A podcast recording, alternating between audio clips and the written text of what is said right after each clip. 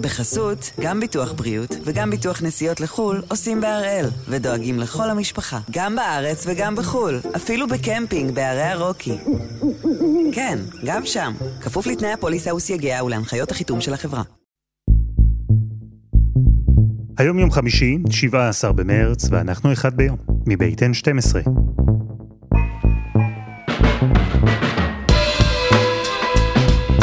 אני אלעד שמחיוף, ואנחנו כאן כדי להבין טוב יותר מה קורה סביבנו, סיפור אחד ביום, כל יום.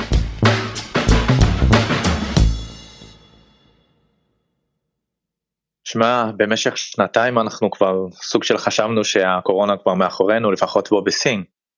איציק הסיני היה צריך מעט לפשפש בזיכרון שלו כשהתקשרנו. Mm, קורונה, נכון, כן, אני זוכר שהיה דבר כזה.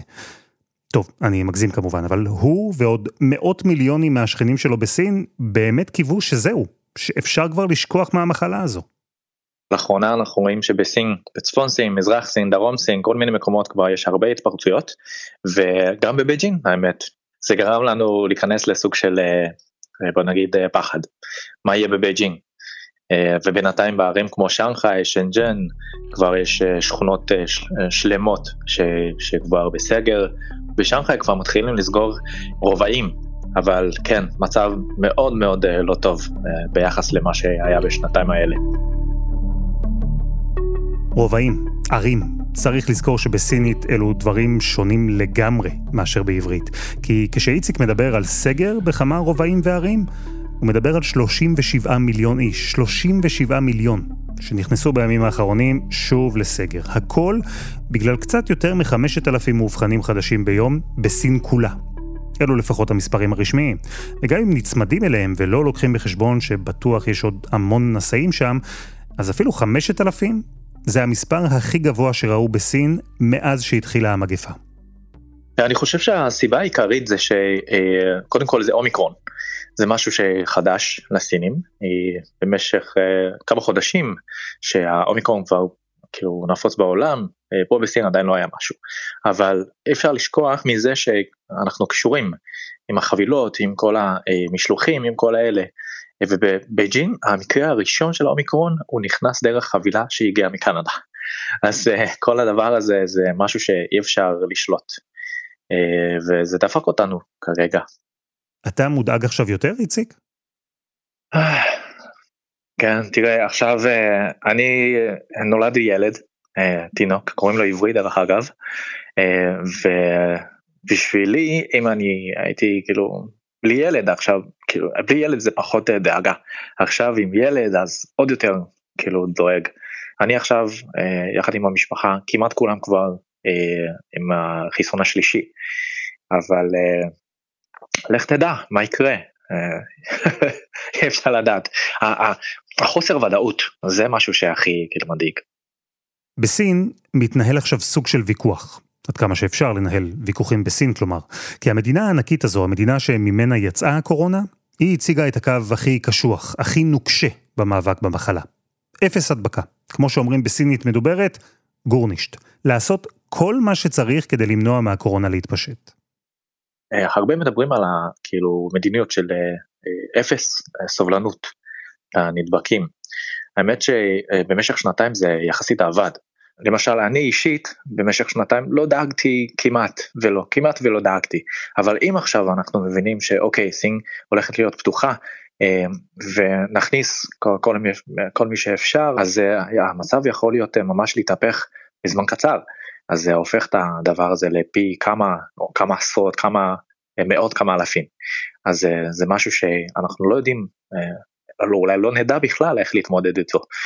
ולכן אני חושב שהדבר הקל ביותר זה להמשיך לבדוק האם המדיניות של אפס נדבקים עדיין יעבוד. וזו שיטה שגובה מחירים ענקיים, אפס הדבקה, זו מטרה יומרנית. ועכשיו, במקום שבו הכל התחיל חווים שוב התפרצות, אז יש את מי שתוהה בקול אם השנתיים האחרונות היו שוות את זה. ואם גם עכשיו צריך עדיין להמשיך באותו קו. בהתחלה חשבו שזה ממש פטאלי. היום הגישה אחרת. אה, אני חושב שכאילו אם, אם, אם נשאל אנשים ברחוב אז אנשים כבר כאילו למדו בוא נגיד במשך שנתיים אלה מה לעשות. אם בצורה יעילות כאילו יעילותית מאוד נצליח לסגור עדיין ולשלוט את זה עדיין זה יחסוך המון המון כסף יחסוך המון המון כאילו כוח. זה בשביל הממשלה אני חושב גם בשביל האנשים זה הרבה יותר גרוע. לא גרוע רגוע. סליחה העברית. אז הפעם אנחנו עם שובה של הקורונה, או עם שובה של הקורונה סימן שאלה. בסין, באירופה, בהונג קונג, בניו זילנד וגם בישראל. המגפה שכבר קיווינו שתניח לנו לנפשנו, היא מרימה שוב את הראש. בערך.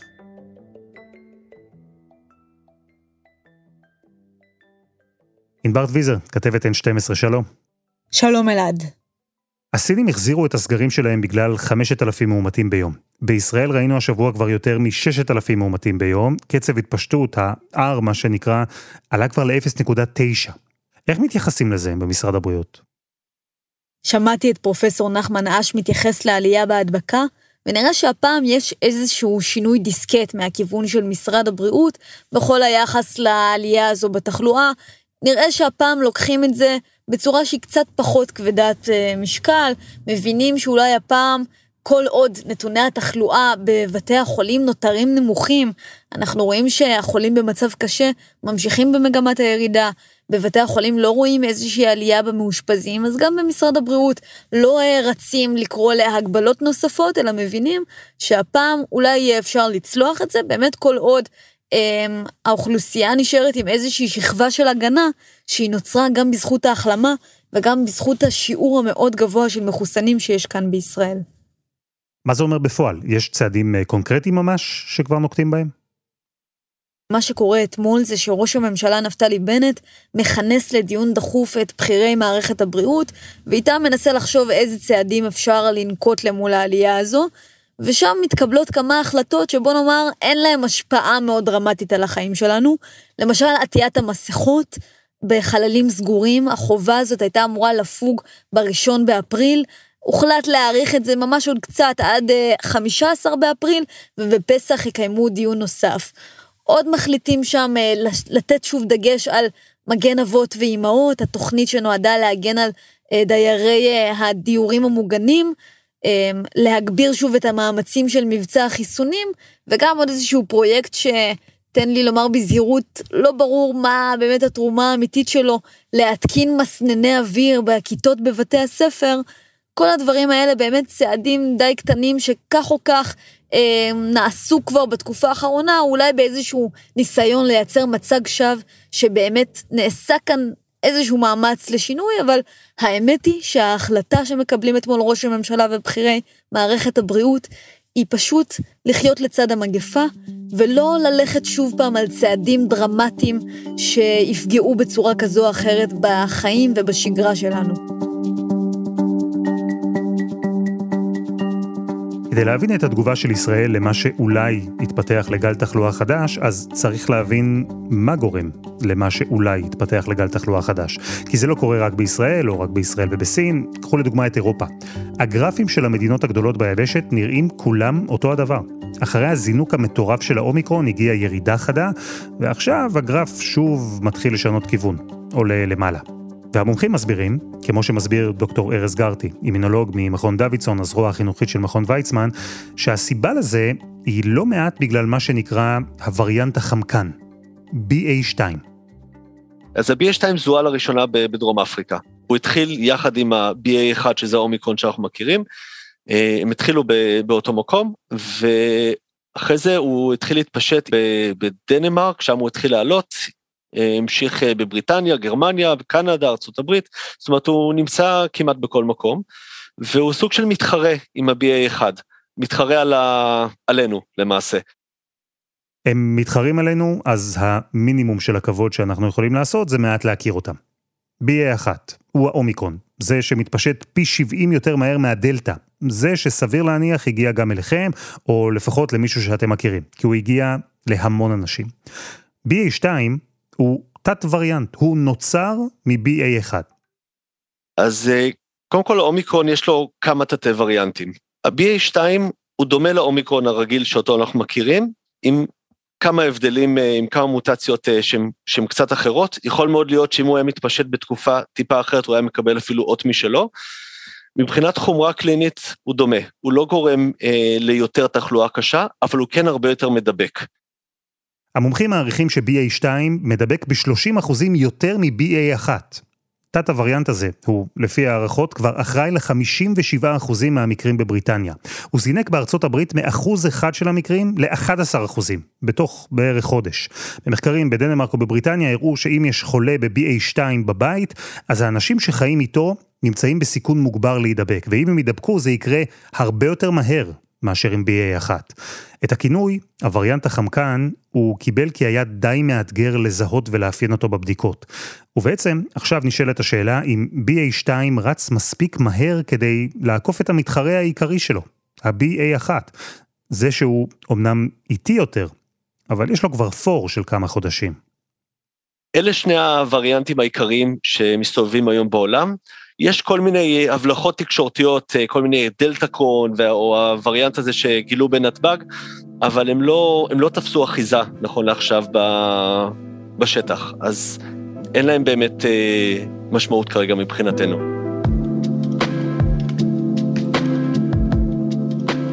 תודו, דלתא נשמע מאוד מגניב. שילוב שבין הדלתא לאומיקרון, אז כן, וריאנט כזה התגלה בצרפת, אבל כרגע לפחות הוא אולי מגניב, אבל ממש לא מדאיג.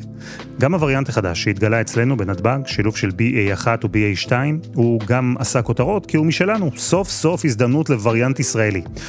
אבל בינתיים גם הוא לא מאוד דרמטי. BA1 ו-BA2 הם כבר לגמרי מונופול בתחום הקורונה. יותר מ-98% מהמקרים בעולם זה הם. אז זה נשמע די מדאיג, וריאנט חדש, מתפשט מאוד מהר. יש מי שטוען ש-BA2 מתקרב לרמות ההדבקה של חצבת, שהיא המחלה המדבקת בעולם. אבל יש גם סיבות לאופטימיות. קודם, חסות אחת וממש מיד חוזרים.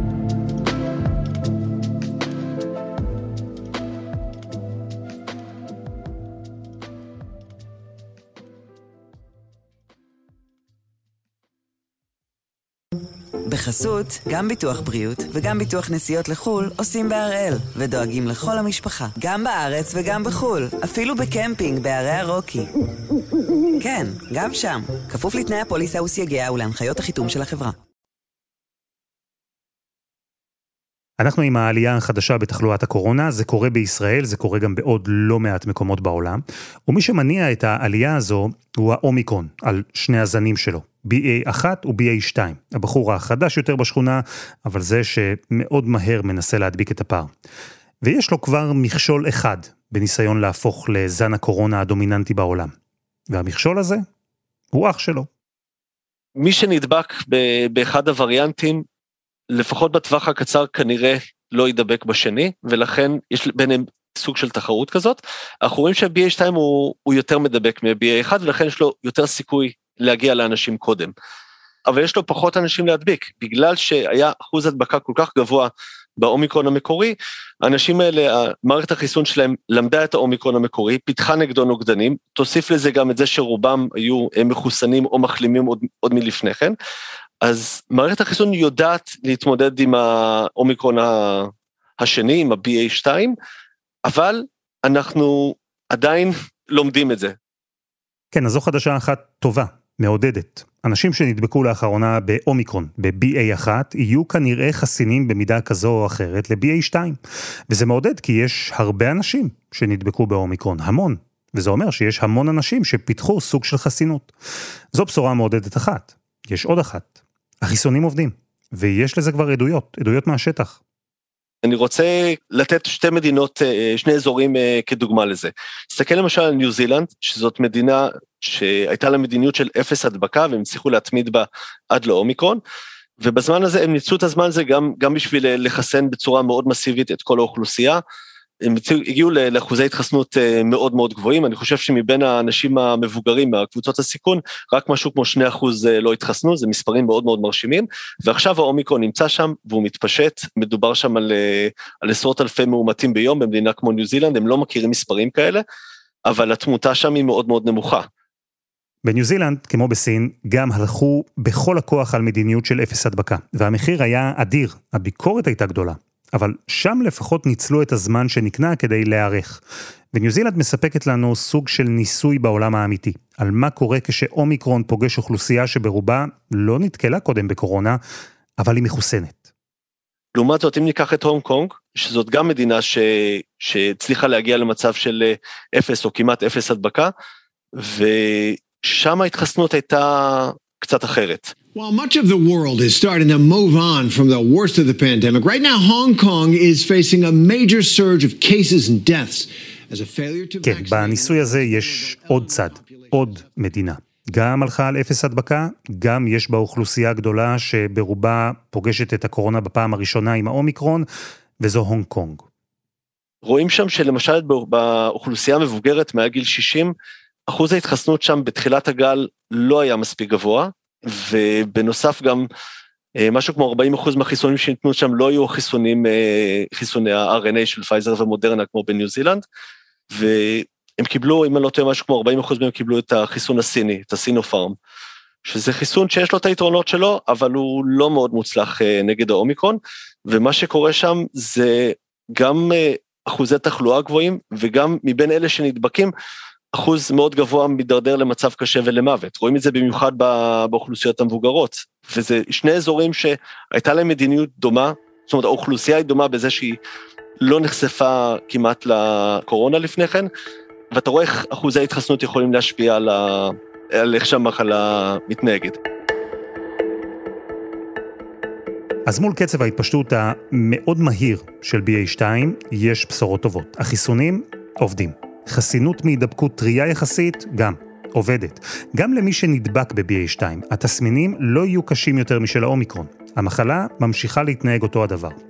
וזה גורם למומחים לשאול, איך מתרגמים את כל הבשורות האלה, הטובות והרעות, למה שיקרה במציאות? האם כשלוקחים את כל התכונות האלה ביחד של BA2, מקבלים עוד גל שישבור שיאים? או אולי משהו מתון יותר? אנחנו רואים שיש עכשיו איזושהי אה, בלימה של הירידה בתחלואה, רואים שה-R מתחיל להתקרב אה, לכיוון של אחד. חשוב לזכור שהמדיניות בדיקות היום שונה מאוד ממדיניות הבדיקות שהייתה לפני כמה חודשים, אז סביר מאוד להניח שהרבה מאומתים אה, מתפספסים. קשה להעריך מה, מה הולך להיות. יכול להיות שאנחנו נראה עלייה כמו שאנחנו רואים במדינות, במדינות אחרות, למעשה זה לא מופרך, אבל השאלה היא לאיזה גובה זה יגיע. האם אנחנו נגיע באמת אה, לשיאי התחלואה שראינו לפני כמה חודשים? אם דבר כזה יקרה, זה, המשמעות של זה זה שאנשים שהחלימו נדבקים מחדש וזה יכול להיות, אה, זה יכול להיות קצת בעייתי. כנראה, כמו שראינו במדינות אחרות, נגיע לאיזשהו רף מאומתים אה, יומי מסוים, יכול להיות שעכשיו תהיה איזושהי עלייה מסוימת בגלל ה-BA2, אבל בכל מקרה אנחנו לא נרד לאפס, לא בעתיד הנראה לעין. אז לא אפס, אבל כנראה גם לא 100. אז איפה הבעיה? למה במדינות המחוסנות מדברים שוב בחשש על חזרתה של הקורונה? מסתכלים בדאגה מסוימת על הגרף של BA2. התשובה היא, כי לצד מה שאנחנו יודעים, יש עוד הרבה שאנחנו לא יודעים. בגלל החשש מהדעיכה של החיסון. אנחנו יודעים שבטווח הקצר אולי יש הגנה, בטווח הקצת יותר ארוך אנחנו לא יודעים, זה משהו שאנחנו נגלה בקרוב. אנחנו לא יודעים איך מחלימים מתנהגים עם זה, ובדומה למה שראינו לפני חודשיים, כש... חודשיים שלושה כשהגל התחיל, אנחנו נמצאים עכשיו בשלב שאנחנו לומדים, וסביר להניח ש... שתהיה הגנה, אבל אנחנו לא נדע עד שלא נגיע לשם. כן, זה קטע נורא מתסכל. שאת ההשפעות לטווח ארוך אנחנו נדע רק כשהוא יגיע, הטווח הארוך הזה. אפשר לשער, לקוות בטח שאפשר, אבל אנחנו לא באמת יודעים. לא יודעים כמה זמן החסינות נמשכת. אין לנו מושג. וראינו, האומיקרון הוא אולי קל יותר, אבל הוא בטח לא קל. מספיק להסתכל על מה שקורה בהונג קונג כדי להבין את זה. ובכל זאת, יכול להיות שדווקא BA2, הווריאנט החמקן שרץ במהירות מטורפת, יכול להיות שדווקא הוא מקדם אותנו עוד לעבר עתיד שבו הקורונה תהפוך למחלה עונתית רגילה. כן, בהחלט כן. זה, זה משהו שבהחלט תרחיש הוא לחלוטין לא מופרך. יכול להיות שימשיכו להופיע אה, וריאנטים חדשים ונצטרך לקבל פעם בשנה חיסון מותאם, כמו שאנחנו מקבלים אה, שפעת כל שנה. יכול מאוד להיות שאפילו יחברו את החיסונים האלה. יש אה, מחקרים של, אה, של חברת מודרנה, אם אני לא טועה, שבודקים אפשרות של אה, חיסון משולב, שפעת ו, וקורונה. זה בגדול הכיוון ש... שלהערכתי הולכים אליו, שפעם בשנה נצטרך לקבל איזשהו חיזוק לחיסון בשביל אה, שלא נחלה קשה בחורף, ויכול מאוד להיות שזה יהפוך להיות אה, מחלת חורף נוספת שאנחנו אה, נחווה אותה כל שנה. ובעיקר, אפרופו דברים שנדע רק כשנגיע לטווח הארוך, הקורונה כבר לימדה אותנו שהכל דינמי. נכון, כל וירוס משתנה, עובר אבולוציות ומוטציות, אבל הקורונה כל כך מפושטת עכשיו, היא נמצאת אצל כל כך הרבה אנשים, שבכל מה שקשור אליה, באמת שהכל יכול לקרות. האומיקרון הגיח בפתאומיות ודי כבש את העולם. הוא הדביק הרבה מאוד אנשים, חלק מהם מדוכאי חיסון, ועכשיו יש הרבה מכונות וריאנטים, מחוללי וריאנטים שמסתובבים בכל העולם, והווריאנטים הבאים בוודאות מתבשלים עכשיו. יכול להיות שאלו יהיו וריאנטים יותר מדבקים ויותר קלים, יכול להיות שהם יהיו יותר מדבקים ופחות קלים, אנחנו נגלה את זה רק בדרך הקשה, וזה משהו ש... שלא נדע עד שלא נגיע אליו. דוקטור ארז גרטי, תודה רבה. בשמחה. ותודה לענבר טוויזר ולאיציק הסיני.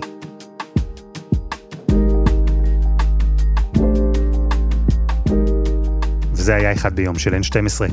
אנחנו מחכים לכם בקבוצה שלנו בפייסבוק, חפשו אחד ביום, הפודקאסט היומי. העורך שלנו הוא רום אטיק, תחקיר והפקה עדי חצרוני, רוני ארני ודני נודלמן, על הסאונד יאיר בשן שגם יצר את מוזיקת הפתיחה שלנו, ואני אלעד שמחיוף. אנחנו נהיה כאן שוב, גם בשבוע הבא.